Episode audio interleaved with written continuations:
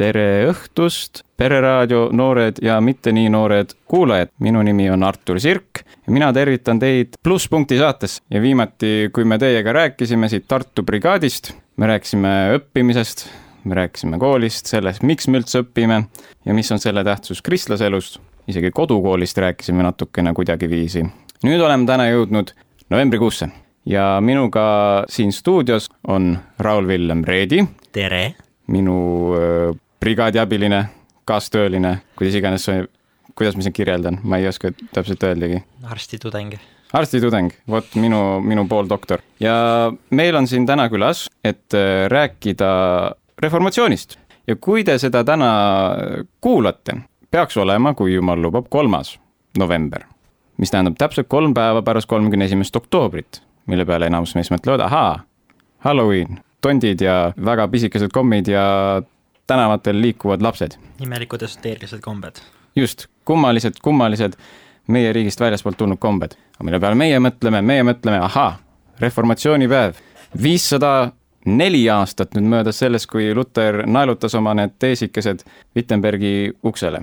täna me ei räägi täpsemalt reformatsioonist, vaid räägime just südame reformatsioonist. Luter on ju reformeeris kiriku, aga nüüd selle valgel siis, milline peaks olema meie südamete reformeerimine, kuidas peab meie süda muutuma äh, Jumala tõe valguses ja kuidas me klapitame siis neid usulisi teadmisi ja omaenda reaalset praktilist elu, kuidas hoiduda igasugustest äärmustest, mis äh, tekivad tihti meil inimloomuse tõttu ja ka palju muud. selleks, et sellest rääkida, siis oleme me kutsunud meie stuudiosse Pauluse kiriku äh, õpetaja, on ju, Kristjan Luhametsa. tervist, Kristjan! tere! Aga hakkame otse pihta, siin polegi eriti ja midagi nagu nii palju, ma olen väga põnevil, ma tahan, mul on palju küsimusi ja mul on täielik isiklik huvi, siis ma tahan targemaks saada ja loodetavasti usuliselt kasvada. just, ehk siis mõtleme on ju reformatsiooni peale. Martin Luteri suur unistus, mida ta ka ütles ühe piiskopiga rääkides, oli on ju see, et iga adra poiss tunneks ühest piiskopist piiblit paremini. ja loomulikult selle on ju pärast oli talle tähtis, et kõik inimesed oskaksid ise lugeda, ise piiblit lugeda ja seda uurida. Ja tänaseks ka keskmine inimene oskab lugeda, oskab lugeda isegi omaenda emakeeles. ja nüüd see küsimus, mida siinkohal, millega siin alustada, olekski see, et kas see on siis lõpuks olnud kristlaskonnale kasulik? et nüüd iga kristlane loeb piiblit ise, iga kristlane uurib ise, järeldab ise ja nii edasi, et kas nüüd äh, keskmine kristlane on saanud sellest äh, vaimulikult küpsemaks, kui ütleme näiteks oli keskaja katoliiklane? ma arvan, et samamoodi võib ka Adra kohta küsida, et kas see on olnud kristlaskonnale kasulik ja kõikide teiste asjade kohta, millel on igalühel oma ülesanne, milleks seda kasutatakse, paraku ei ole olemas asja, mida ei oleks võimalik ähm, halval eesmärgil kasutada. kirvega võib tööd teha, aga võib teise inimesega maha lüüa. lugemisoskus on suurepärane võimalus neile, kes tahavad Jumala sõna ise uurida, sellega tutvust teha. aga kahjuks on kirja pandud ka igasugust jama, mis võib meid eksitada, et selle tõttu võib lugemisoskus meid nii Jumalale lähemale tuua, kui sealt ka eemale viia. selle tõttu me küll unistame võimalustest ja ei mõista alati, miks meil kõiki võimalusi ei ole ja võib-olla sellepärast, et Jumal teab paremini, kuidas me neid võimalusi kasutame. kui Jeesus tervendas ühe tumma inimese, olete piiblist seda lugenud mm, -hmm. siis enne, kui ta tema päriselt terveks tegi, öeldakse, et Jeesus ohkas. see ei ole täpsustatud, miks ta ohkas. me võime ainult ise siin fantaseerida, et huvitav, mida see inimene siis ka rääkima hakkab, kui Jeesus ta terveks teeb. ju siis oli põhjust ohata aga niimoodi on ka muude asjadega ja selle kirjaoskuse ja lugemisoskusega, need on suured õnnistused ja ma arvan, et Jumal tahaks meile veel palju rohkem anda, kui me suudaksime neid vastu võtta hmm.. ma mõtlen seda, et me neid häid ande ei pööraks iseenda vastu endale õnnetuseks või nuhtluseks. palju on juttu, et me elame täna info prügimäel ja noh, nagu te mainisite, palju kirjandust on ka ja väga segadusse võib minna, kui on palju kirjandust, kui on palju eriõpetajaid, eri, eri koolkonda ja, ja rohkem usuvoole, iga, iga päev sünnib veel juurde. täpselt nii, jah, et iga pealkiri, mis sisaldab sõna Jeesus, ei tarvitse üldse kristlik olla. kui mm -hmm. raamatupoes ringi vaadata, vot see oli ka põhjus, miks äh, Tartu Pauluse raamatupood sai asutatud, et oleks olemas üks selline raamatupood, kus kõik, mida seal müüakse, on läbinud mingisuguse tsensuuri. Äh, jah, seal on koos erinevate konfessioonide kirjandus, adventistidest õigeusklikeni või kuidas iganes, aga see on kõik kristlik, et kui mm -hmm. tuleb inimene tänavalt, ta ei pea muretsema, et ta satub kogemata millegi päris eksitava otsa. ehk teisisõnu võib öelda, et lahendus, kuidas info prügimäel navigeerida, on vaadata otsa vaimulikult küpsematele, targematele. Üks võimalustest. see on see, mida sisuliselt tsensuur tähendab, et, et targemad inimesed on läbi lugenud ja, ja ütlevad noorele kristlale selle, et see, see on turvaline, seda võid lugeda. ta ei pruugi tingimata isegi targem olla, noh, võib olla targem, see on, tuleb kasuks, aga piisab, kui tal on rohkem olnud aega mm. lugeda mm., sest ma võin sama tark olla, aga seni, kuni mul pole olnud aega sellega lähemat tutvust teha, no me ei pea kõik neid samu vigu igaüks ise tegema, me võime õppida ka teiste omadest ja kui keegi on selle vea juba teinud, siis jah, väga tark õpib vigadest, väga tark õpib teiste vigadest. täpselt nii. just ja siit kohe siis äh, edasi, et, et Ameerikas näiteks on täheldatud niiviisi, et äh, Ameerika kristlus on äh, noh, nemad räägivad küll miilides, aga ütleme siis euroopalikult kilomeeter lai ja sentimeeter sügav. isegi öeldud niiviisi, et inimesed on seal kirglikud Jeesuse osas, keda nad õieti ei tunnegi.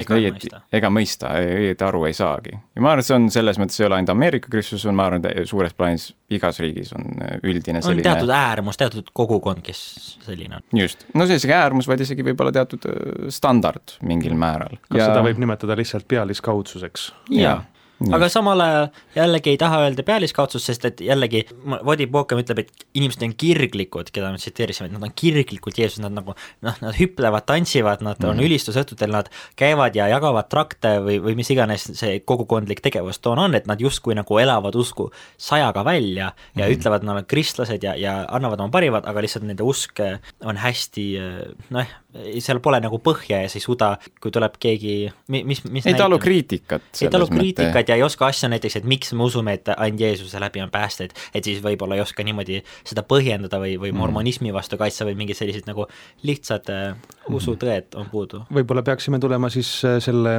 tähendamissõna külvajast juurde, kus Just. seeme langes erinevatesse kohtadesse ja üks oli selline, kus seeme tärkas kiiresti, aga tal ei olnud juurt. just mm. -hmm. see oht on noorte kristlaste puhul näiteks kohe kõrgustesse täpselt, ja siis kuivas ära. selgus, et ei ole selle kõige ülalpidamiseks vett, kui on, kui siin rääkida Ameerikast ja Euroopast, eh, siin võib ka kultuuri erinevus olla, et, et meile tundub, et see on äh, nagu vähe läbimõeldud, aga võib-olla ta päris nii ei, igal pool ei olegi. ja no. kui äh, me näeme, et nendel on mõned tugevad küljed, mis meil võib-olla nii tugevad ei ole mm, -hmm.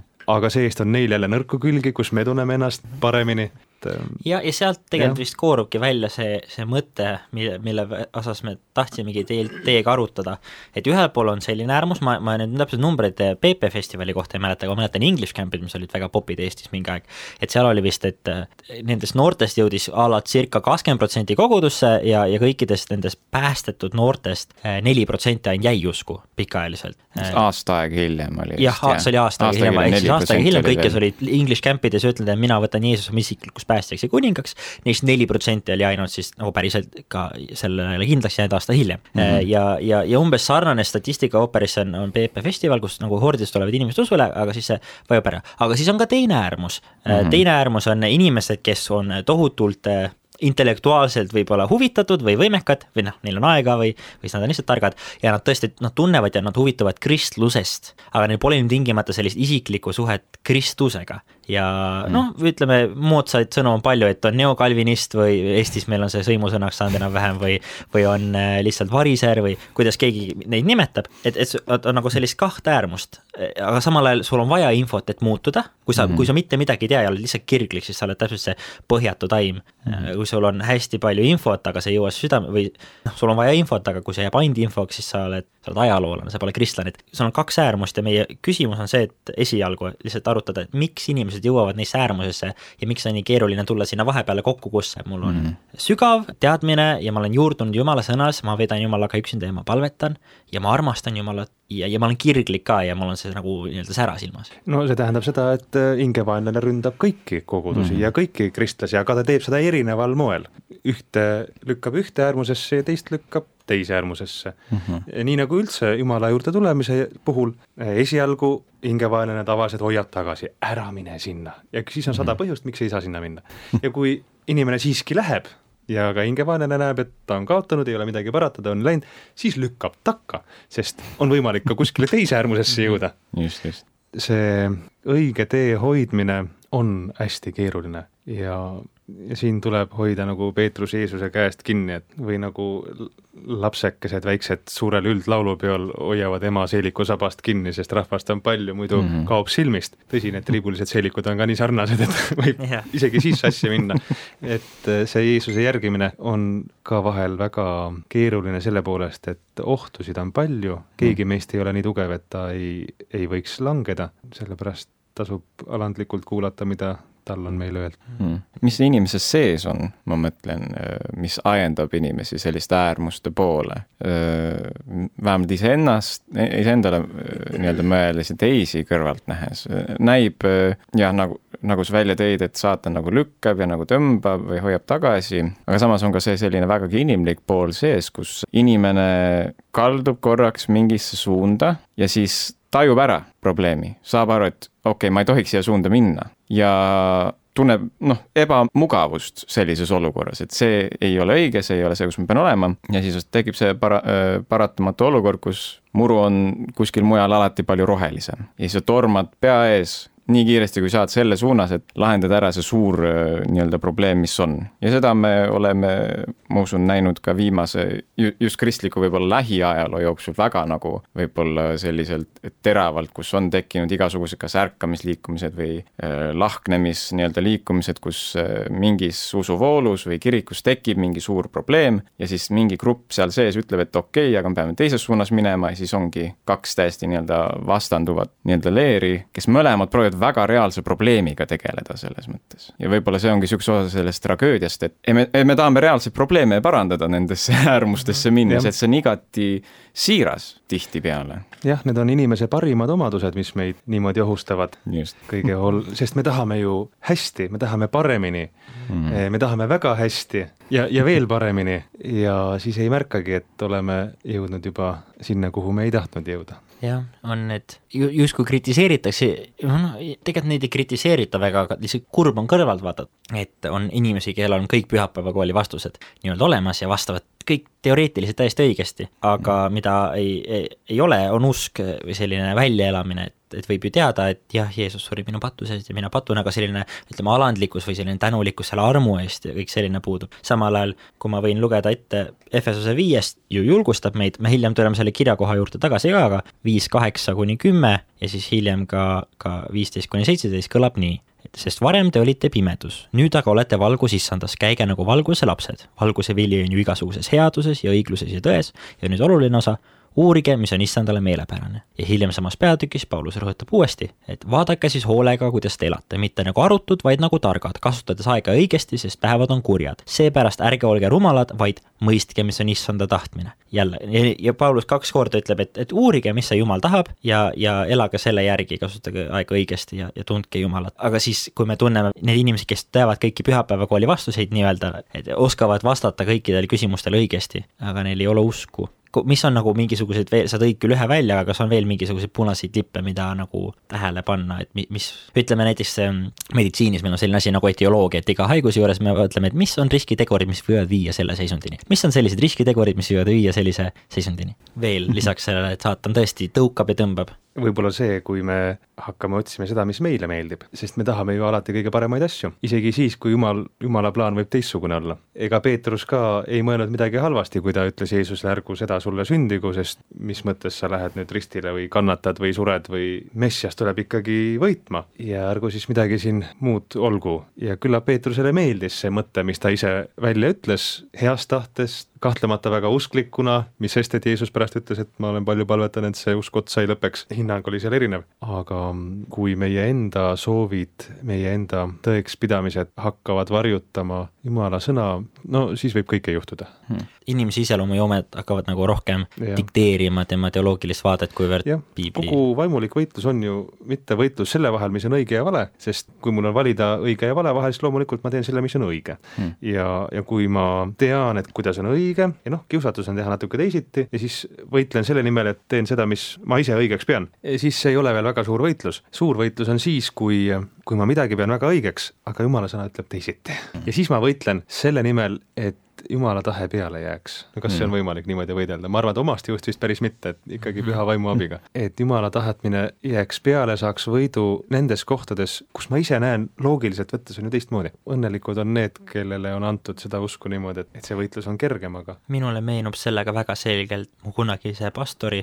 Mego Remmeli mentor on Tony Twist. käisime kunagi Austrias külas tema seal seminaris, kus ta õpetas, ta on palveprofessor ja kui ma küsisin talt, et mis on, mis on palve definitsioon, ma olin umbes kuusteist hästi üritasin niimoodi aru saada, mis asi see palve on, siis ta ütles, et palve on enda tahte joondamine Jumala omaga ja just niipidi, mitte Jumala enda omaga, vaid enda tahte Jumala omaga ja minule vähemalt sinu jutust praegu seostub väga selgelt, et kuidas seda võitlust võidelda, kui, kui Jumala sõna ja mis mina arvan, et on õige, on vastuolus, et see viib väga selgelt palveni. ja mis meenutab mulle jällegi, et väga paljud suured usumehed, kellest mina vähemalt lugu pean, nagu Charles Spurgeon ja, ja teised Martin Lloyd Jones ja igasugused lahedad jutlustajad, nende kohta öeldi, et nad palvetasid kaks korda rohkem, rohkem, kui nad lugesid piiblit. jah, aga siin on võimalus minna ka jälle selles mõttes äärmusesse, et hakata oma tublidust mõõtma palvele kujuluva ajaga mm., et äkki keegi on, kes kolm korda rohkem palvetab, kui loeb piiblit või siis leidub keegi äkki neli korda mm. ja, ja äkki peaks palvetama ööpäev läbi ja võib-olla mitu ööpäeva järjest ja alati on võimalik siia midagi lisada ja,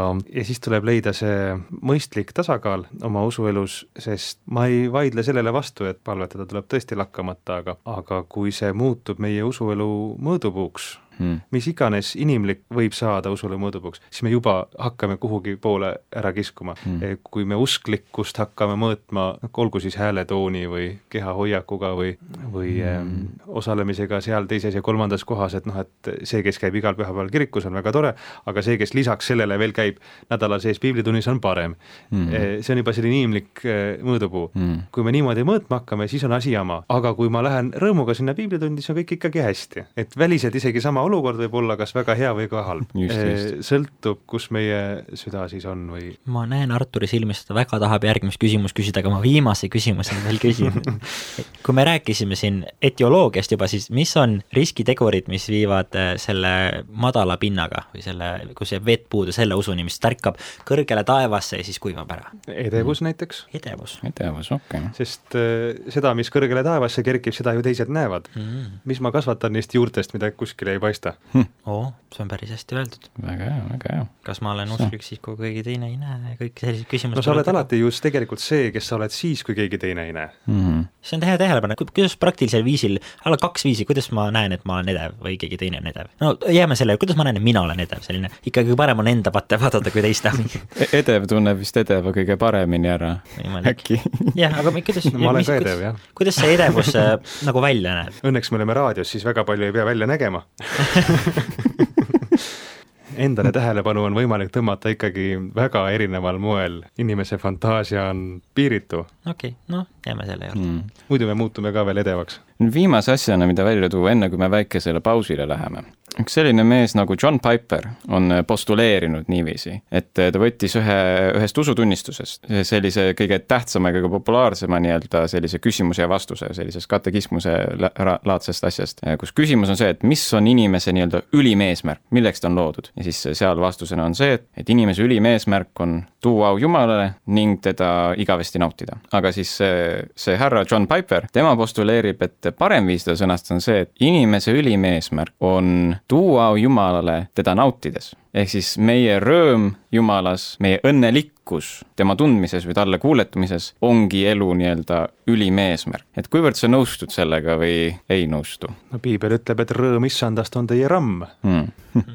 ja kui sinu psalm kolmkümmend seitse, ma nüüd püüan meenutada seda täpsemat sõnastust, et ma ei eksiks, just, psalm kolmkümmend seitse neli ütleb, olgu sul rõõm issandast, siis ta annab sulle, mida su süda kutsub mm. -hmm. muidugi inimestele meeldib see lause lõpp rohkem kui algus, sellepärast et mida mu süda kutsub, siis saan mina seda, mis ma tahan. aga kui sul on rõõm issandast, no siis ei ole sul enam vaja midagi keelata, sest mm -hmm. kui su, kui sa rõõmustad Jumala tegudest, vaimustud nendest, kui, kui, kui Jumal ise on sinu rõõm. tihtipeale me rõõmustame tema andidest, aga kui me rõõmustame temast endast, siis on meie tahe temaga nii palju kooskõlas, et siis mm. saadki seda, mida sa tahad, teda, teda ennast. et kui sihtida, mida ma tahan, siis rõõmu ei tule, aga kui sihtida Jumalat, tuleb rõõm ka.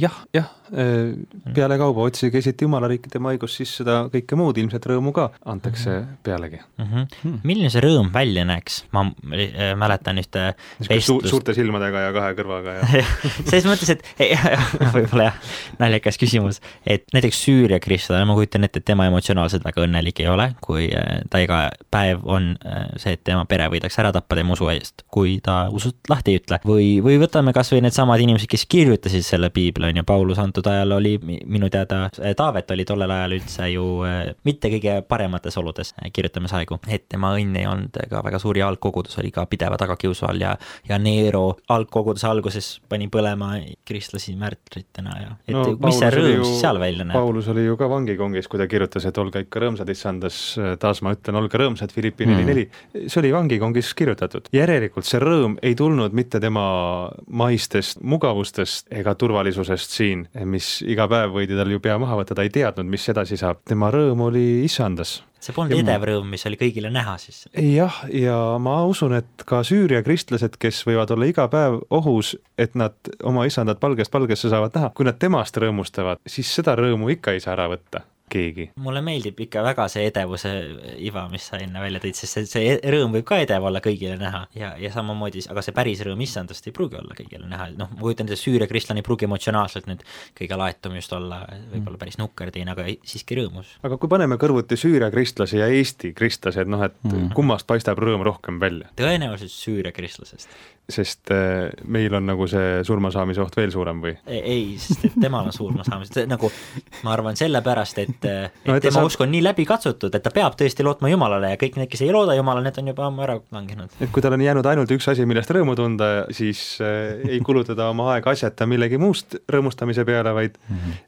vaid on täiega, ma usun, et isegi Süürias võib vanakuri kallale kippuda ja mm., ja mhm. eksitada, et sellepärast me oleme sarnases olukorras, vaimulikus mõttes sarnases olukorras, kuigi füüsiliselt ja maises mõttes võime olla väga erinevates mm. oludes. ja selle edevuse poole pealt ma ise ka jäin selles mõttes mõtlema, et, et selline lihalik loomus, mis inimesel on, on see, et nad su-, et inimene väga soovib nii-öelda matkida seda head asja, sellist välist, noh, välimust, rõõmu nii-öelda matkida naeratamiste ja kuidas öelda, müraga, sellist rahumeelsust väljendada sellise surmatud kivinäolisusega või mis iganes muud ja nii edasi. ja ma arvan, et see edevus selles mõttes rõõmu puhul on ka üks asi, mille puhul iga inimene peaks katsuma omaenda südame läbi, et kas ta on tõesti rõõmus või talle meeletult meeldib näidata teistele inimestele, et ta on rõõmus ja. kas me usume või me usume, et me usume. just. ja, ja noh, sama asi toimub ka vastupidi, nii et nendele pühapäevakooli vastustajatele, need, kellel on õiged pühapäevakooli vastused, et kui ma kannan oma palvehelbeid koguduses kaasas, et kõik mu teised baptisti sõbrad näeksid, kui, kui vaga ja püha mina ikka olen ja ja kui ma manitsen neid, et miks nad palvetavad nii vabakeelselt ja ikka, et peaks nagu mingi austus olema rohkem keeles, et kõik selline edevus võib ka väljenduda hästi teises ekstreemumis. ma ütlen, nüüd püha... sa noomid mind ma tahaksin nüüd äh, pühapäevakooli vastajaid äh, kaitsta natukene, sest äh, suurem osa Eesti elanikke ei oska nii hästi vastata nendele küsimustele mm. -hmm. Nad võiksid ka selle kõigepealt ära õppida, siis oleks meil, mida omavahel rääkida. just, ja selleni täpselt me ka jõuame kohe pärast pausi. me oleme teiega kohe natukese aja pärast tagasi.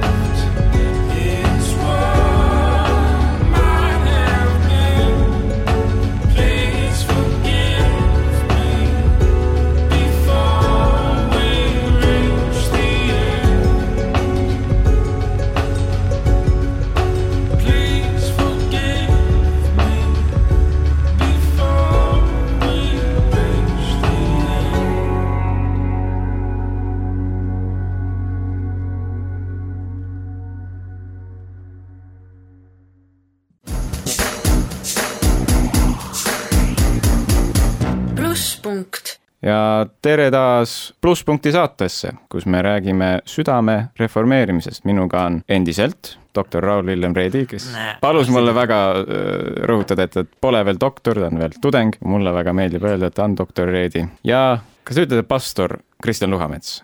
pastor Kristjan Luhamets ja just me alles rääkisime äärmustest, me rääkisime igasugusest sellest, mis toimub inimeste südames, mis toimub väljaspool, kuidas need võivad erinevad, kuidas me üritame matkida vahepeal seda, mis on tõeline. nüüd me jõuame natuke praktilisemate küsimuste juurde, kuigi juba siiamaani on omajagu praktilist olnud. ja nüüd nende äärmuste juurde tagasi minnes, ehk siis meil on äärmus meeletu emotsionaalne väljapoole elamine ja teine äärmus, mis on väga sissepoolne teadmiste kogumine, ütleme selline tuupurlus, kui tohib niiviisi öelda.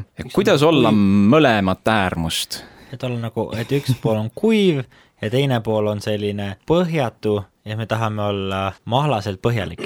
no kui ei tea, kuidas käituda, siis tuleb abiks alati, kui oled viisakas mm. -hmm. see on kena ja kõik äh, usulised väljendused ei ole ju tingimata edevusest pärit ja on äh, olukordi, kus äh, endal võib olla ebamugav, valutab kuskilt ähm, või on kiire väga, aga alati ei ole mõtet teisi selle hädaga häirida, kui see on selline tühine asi, siis ma ei näe mingit probleemi, kui inimesed mõnel hetkel teevad natukene parema näo, mitte sellepärast, et nad silmakirjalikud oleksid, vaid lihtsalt selleks, et nad eh, on teiste suhtes kenad mm. -hmm. ja ma usun, et igas koguduses kujuneb välja mingisugune mm, rutiin, kuidas elatakse ja kuidas ollakse ja kui em, selliseid keskjoone ligi eh, käitumise variante kasutada, siis eh, see aitab nendes olukordades, kus me kas ei tea, kuidas käituda või eh, kus meie väga siiras ja aus käitumine võiks olla teiste poolt tõlgendatud valesti mm, -hmm. mida ka ei vaja ei ole. et kui ma olen väga mures ja siis väga avalikult seda kohe välja ütlen, ma väga suures mures, siis teised võivad ära ehmatada, et, et mis siis lahti on, tuleb mm. -hmm. välja, tegelikult ei olegi midagi nii väga palju lahti. siis ei saa nemad minu murest aru, siis ma olen solvunud, et nemad minust aru ei saa ja mis sa siis siin liialdad ja et see on kogu enese väljendamise üldine lihtne nõuanne, elementaarne viisakus aitab ikka, isegi koguduse keskel. et jälgida ennast, et me ei koormaks teisi inimesi siis asjadega, millega ei ole vaja neid koormata. näiteks, jah. et me ei sätiks üksteisele selliseid ootusi, kus peab kohe kindlasti välja näitama kõike, mis su sees tunned ja pidevalt väljendama, olgu siis kas meeletut rõõmu või meeletut kurbust mm. Ja näiteks kui on jumalateenistus ja kõik inimesed palvetavad niimoodi, et nad panevad käed vaikselt kokku ja langetavad pea ja, ja üks seltskonnas hüppab püsti kätega, see on ju väga tore, aga siis teised vaatavad niimoodi silmanurgast, et, et kas tal on ikka täie mõistuse juures. no on küll, teises koguduses on iga päev niimoodi. aga kui seal kõik niimoodi hüppavad ja hõiskavad ja keegi üksinda eh, paneb käed kõhu peal kokku ja, ja veel nukra näoga langetab pea allapoole, siis on teised väga mures, et kust kohast tal siis valutab mm. -hmm. et mõlemal juhul me ei tee ju otseselt midagi valesti Jah. aga käitume te- teistele mitte nii väga arusaadavalt ja, ja vot viisakus, millest ma rääkisin, tuleb siin abiks, et ma jälgin teisi enda ümber ja arvestan seda, ma ei pea Mhm. nii kõvasti seal käsi üles tõstma ja hõiskama, aga, aga nii palju, et, et minu käitumine neid ei, ei segaks. ma ei pea tingimata ka hirmus märkamatu olema, kui ma natuke teistmoodi olen, ma võin ju olla küll, aga parasjagu nii palju, et see nagu ilmaasjata teisi ei segaks. selles mõttes, kuna me räägime nende usulistest väljendusvormidest, kuidas oma usklikkust näidata, kuidas on see kuskil kombeks, et siis ei pääse me mööda suhtlemisest teiste inimestega ja sellest, kuidas nemad neid asju aru saavad ja kuidas nad tõlgendavad, sest mõnda väikest detaili võidakse tõlgendada kas suure usklikkuse mm -hmm. või, või suure uskmatusena. aga kui me pöörame peegli enda vastu ja ütleme, et mina kui abstraktne kristlane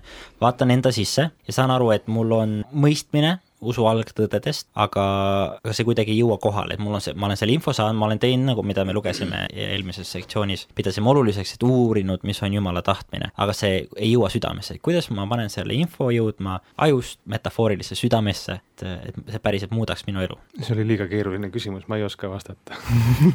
äkki ma proovin sõnastada siis. see on siis see, see nii-öelda praktiline pool, kuidas väljendame ja kuidas me nii-öelda elame välja oma usklikkust, nagu sa välja tõid, aga vaatame natuke rohkem sissepoole, ehk proovime praktiliselt olla just selle poolest, mis meie sees toimub, et kui me kui me ei vaata teisi, vaid vaatame iseenda peale. jah, et me ammutame mingisugust infot endale, loeme piiblit, kuulame jutlusi mm. -hmm. kus iganes me seda infot endale sisse saame, kuidas siis see teadmine saab kõige praktilisemal viisi jõuda selles mõttes nii-öelda meie südamesse, et see saab ka meile armsaks, et see on midagi, milles me rõõmustame, midagi, mis öö, on tõesti, tekitab elu meis.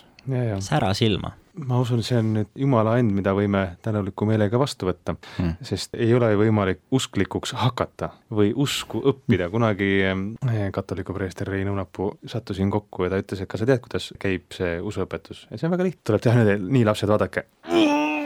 ta nagu pingutas kõiki oma näolihaseid et noh, niimoodi tuleb pingutada, et, et hakata saada usklikuks. mis oli äh, selline mõnus iroonia ütlemaks, et tegelikult ei ole meil omast jõust võimalik seda mõistuse teadmist südamesse pumbata ja, ja rõõmsaks hakata, et ma nüüd otsustan, et ma nüüd hakkan rõõmsaks.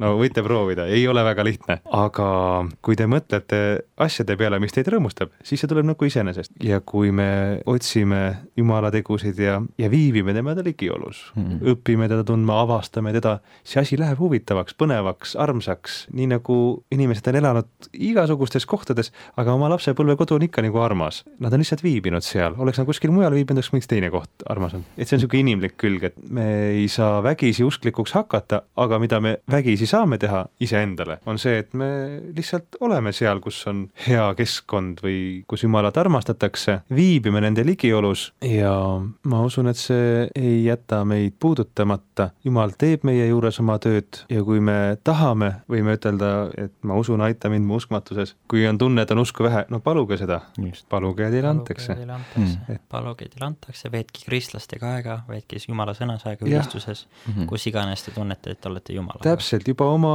korterit üürides või otsides, et kuhu kohta tasub seda silmas pidada, et sa hakkad ju iga päev kuskil liikuma, lähed äh, siit tänavalt mööda, lähed vot sinna, kus sa töötad ja tagasi ja, ja mis koht see on, kas sa hakkad iga päev mööda minema näiteks kirikust või, või mingist muust kohast, et juba see loob teatud eeldusi, mis üldse ei pruugi realiseeruda, aga, aga oma ümbrust tasub kujundada, näiteks äh, mis kodus seina peal on, vaadake kodus ringi, mis pildid, mis raamatud ilutsevad kuskil, mis tekste võite sealt mööda minnes lugeda, see kõik võib meid mõjutada ja puudutada. kuulsin naljakat lugu sellest, kuidas äh, oli Venemaal rongis äh, selline suurem vaidlus kahe meesterahva vahel, kellel olid nii sündsad kui sündsusetud sõnad juba otsa lõppemas, et tulid siis käed ja jalad appi võtta. Ja, ja rong sõitis mööda õigeusu kirikust, mõlemad mehed korraks katkestasid selle löömingu, lõid risti ette, kummardasid sinna kiriku suunas, rong sõitis kahjuks edasi ja elu jätkus endisel moel. see on võib-olla natukene karikatuurne pilt, mis näitab, et ikkagi välistel asjadel mingisugune mõju meil on, see mõju võib-olla ei ulatu meie südamesse, aga noh, nagu igasuguse istutamisega, et mingil hetkel kleepub midagi külge. Ja on ju olnud neid, kes on käinud pikka aega kirikus, mitte sellepärast, et nad tahaksid sinna minna või või sellepärast, et nad usklikud oleks, vaid mingisugusel muul põhjusel. näiteks Nõukogude ajal olid teatud inimesed, kes käisid vaimuliku jutlusi kontrollimas, istusid kirikus, kuulasid, panid kirja, kui midagi oli riigivastast ja siis pärast sai kirikuõpetaja karistada. Nad käisid oma töökohustuste pärast seda, isegi sealt on tulnud usklikke inimesi. see võttis küll hirmus palju aega, kunagi enne teist maailmasõda oli äh, siin Tartu lähedal üks politseinik eh,, Narusk, vend Narusk pidas koolimajas palvetundi ja kuna ta oli selline nagu autoriteetne inimene, politseis oli ta tähtsal kohal ja siis kooliõpetaja, kes küll usklik ei olnud, ei julgenud talle keelata, et siin majas ei tohi palvetada.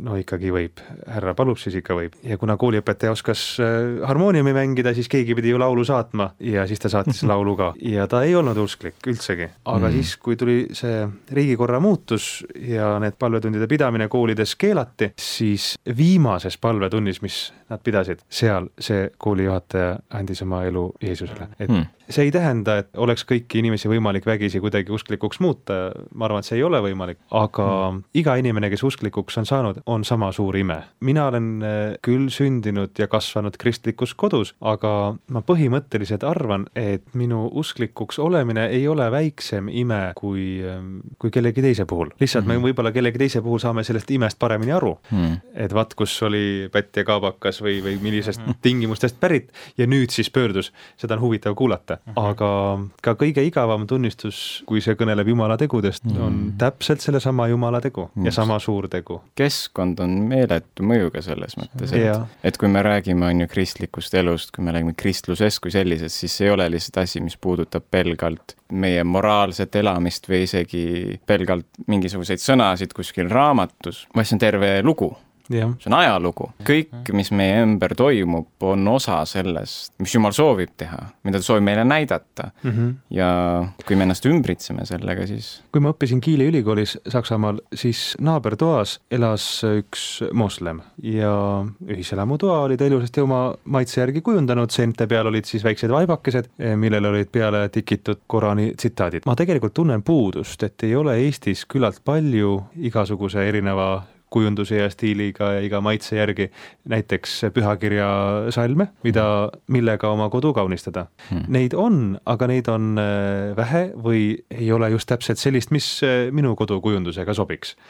Et kui meie nurgas on selliseid noori andekaid kunstiandega inimesi, võib-olla on teil suur töö veel teha, ma ei mõtle ainult tikkijaid, vaid ka neid, kes maalida ja kujundada oskavad ja arvutigraafikat teha, et selliseid noh, palvetekste, pühakirja lõ- lõigukesi, kas või väga lühikesi fraase, millega oma tulemisi ja minemisi siis eh, kuidagi raamistada. mulle väga, väga meeldib see, mis te olete rääkinud, mul on kaks minitunnistust ka jagada selles osas, mis minu arust illustreerivad hästi teie välja toodud pointe. et ükskord mul oli üks tore sõber ja me olime vestelnud kuid usust. Igapäevaselt, me rääkisime apologeetikas, me rääkisime usust ja lõpuks ta jõudis sinna kohta, kus ta oli mingi ahah, et okei okay,, enam ateist ei ole, jumal on olemas, aga milline jumal on ju, see taoism või kes iganes. Ja, ja siis eh, ma, ma, ma olin järsku, ma olin nagu lootust kaotamas, et nagu ma tunnen, et ma käin nagu järsku, eh, oli selline progress mitu kuud, on ju, ja, ja nüüd ma käin nagu ringiratast, siis ma kurtsin oma pastorile ja oma pastor ütles mulle, et lihtsalt hoia teda püha vaimu mõjusfääris, mis iganes, olgu see kristlastega või, või ülistuses või, või koguduse kesk- või noh, täpselt see, mida, mida sa rääkisid ja varem või hiljem tõepoolest äh, Jumal sai ta väga huvitaval ja põneval viisil kätte. ja siis vastunäidus on minu enda elust, kuus aastat pärast seda sündmust, siis äh, mina ise tunnen, et mina olen hästi lühikese sütenööriga ja, ja üsna tõre ja, ja siis ma mõtlen, et miks ma seda olen, no mul ei ole sellist alandlikkust ja tasadust. ja ma mõtlesin ja ma vaatasin piiblisse ja mulle hakkas silma Mattuse kaheksateist, kakskümmend üks kuni kolmkümmend viis, tähendamisena tänamatust talupojast, kes, kes sai palju andeks, aga ei andnud andeks ja, ja siis ma tundsin, et see olen ju mina. ma olen nii palju andeks saanud, aga ma tõesti ei, ei hooma, kui ogaralt ja karikatuurselt palju mm, -hmm. nagu seal tähendamissõnaski, olema andeks saanud ja, ja seetõttu ma ei anna andeks ja siis oli minu see koht, kus ma üritasin ennast väänata, et nüüd ma loen hästi palju, mida Jeesus minu eest on teinud, ma loen, ma immutan ennast evangeeliumisse iga päev, ma panen ülle Jumala sõjavarustuse, nagu ütleb Efesoslaste kuus, ja minust saab andestav inimene ja minust ei saanud absoluutselt andestav inimene ja see viis täielikku usulisse kriisi, kus ma tundsin, et jumal, miks sa ei pühitse mind, kas sa ei olegi olemas, kas sa lihtsalt valetad, et sa nagu, nagu teise Korintlaste kolm kaheksateist ütleb, et, et ühest kirkusastmest teise kirkusastmesse viid mind evangeeliumi läbi. ja, ja siis lõpuks ma saingi aru, et ma lihtsalt pean Jumala juures olema, ka nagu mm. Pühavaimu mõjusfääris, ka selles lihtsalt ligioles, mitte, mitte nagu purssima kõik näolihased krampis, on ju. jah, selle peale tuleb mulle meelde üks äh, Peeter Singi luule, kahjuks jällegi mul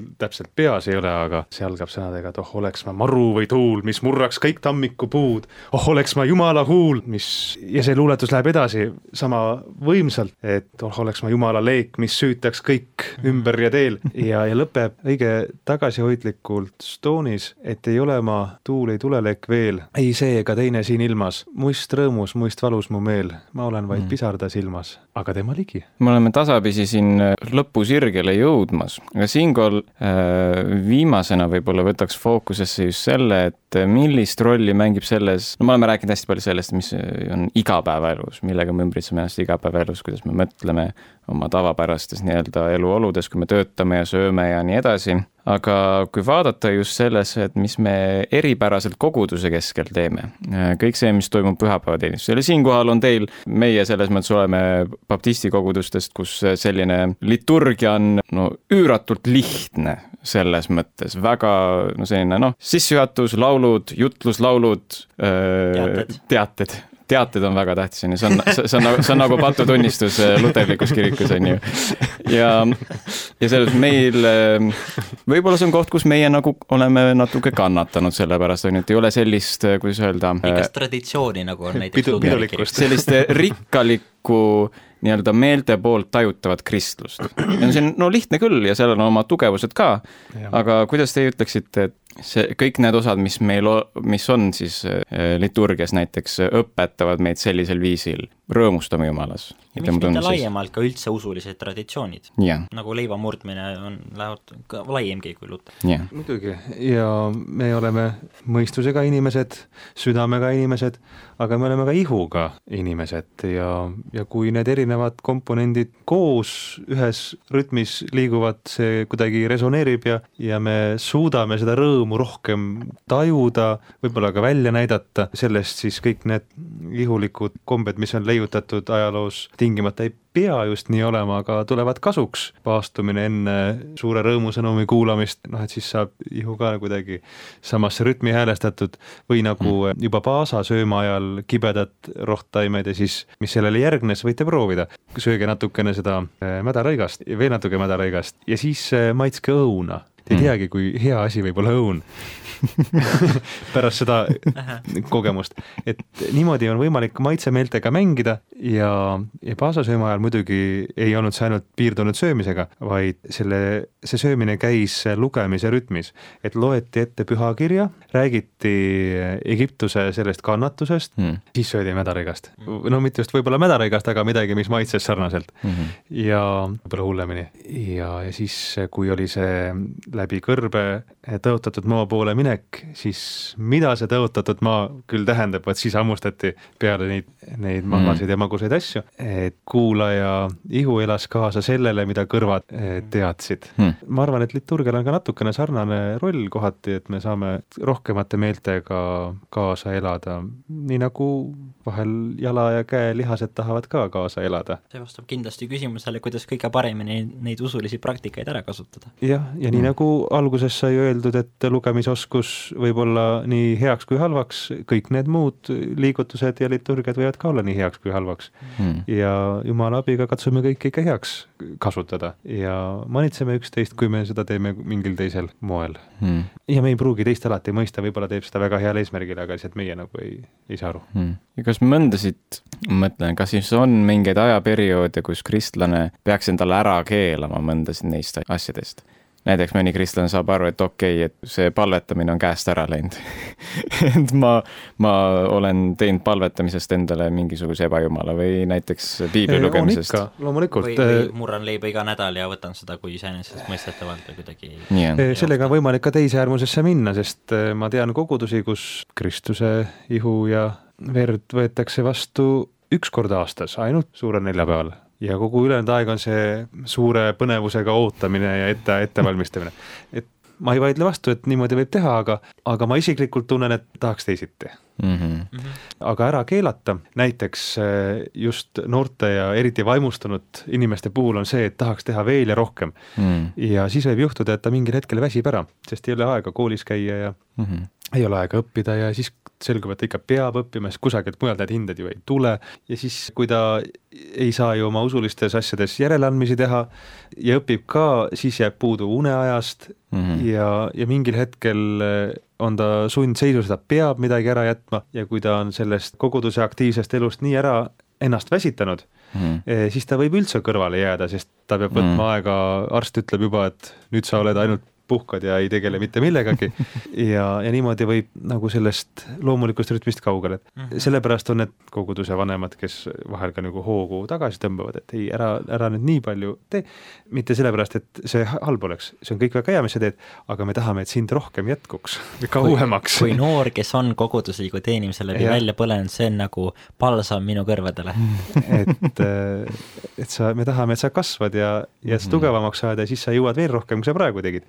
just. aga iga asi omal ajal, õigel ajal ja, halleluuja, ja siis äh, püüame üksteist hoida. ja ma arvan, et selle mõttega on väga hea ka meie tänane programm lõpetada, ehk siis suur-suur aitäh teile äh,, Kristjan, ja no Villem, sa oled kogu aeg siin, ma ei peagi sind tänama, et sa oled tulnud, sa peadki siin olema. jah, ma olen iseenesestmõistetav. ja Ines, teine saade ju, juba, juba ma äh, ei ole tänulik su aga nüüd ma pean sind manitsema, Artur, küll. Et sa võtad Villemit liiga iseenesestmõistetavana. Ah, ta on vot. jumala kingitus siia Pereraadio stuudiosse saadetud. ja me oleme tänulikud nagu ka. Artur, kellele me oleme tänulikud. just, just. ehk siis suur aitäh, et olete meid kuulanud, kaasa mõelnud. järgmine kord, kuu aega hiljem äh, kuulete, kuuleme üksteist, me teid ei kuule, õigus, kuulete meid uuesti ja ka soe soovitus, kui sinul, kuulaja, on mingisuguseid küsimusi, mingisuguseid teemasid, mis sinule tundub, et äh, oleks hea arutada, millest sina tahaksid kuulda, kirjuta julgelt äh, meile pluss meediasse, kas siis äh, Facebooki või meili kaudu. Ja me kindlasti kaalume, kas neid teemasid saab lahata kellegagi ja nii edasi ilmselt võtab omajagu aega, kuni me reageerime, sa ilmselt oled ise juba leidnud vastused selleks ajaks, aga sellegipoolest soovime ka natuke rohkem teiega suhelda sellisel viisil. jah, ja igasugused äh, etteheited, väljakutsed, küsimused, kiitused, kõik on kommentaarid veel. etteheiteid ma ei soovi, mina usun, me teeme, ma arvan, me teeme kõike suurepäraselt. me oleme teist, kui, kui inimene kestab teist korda raadiosaadet, me oleme veatud. just, ehk siis taaskord suur aitäh ja jumala armu, rahu teile kõigile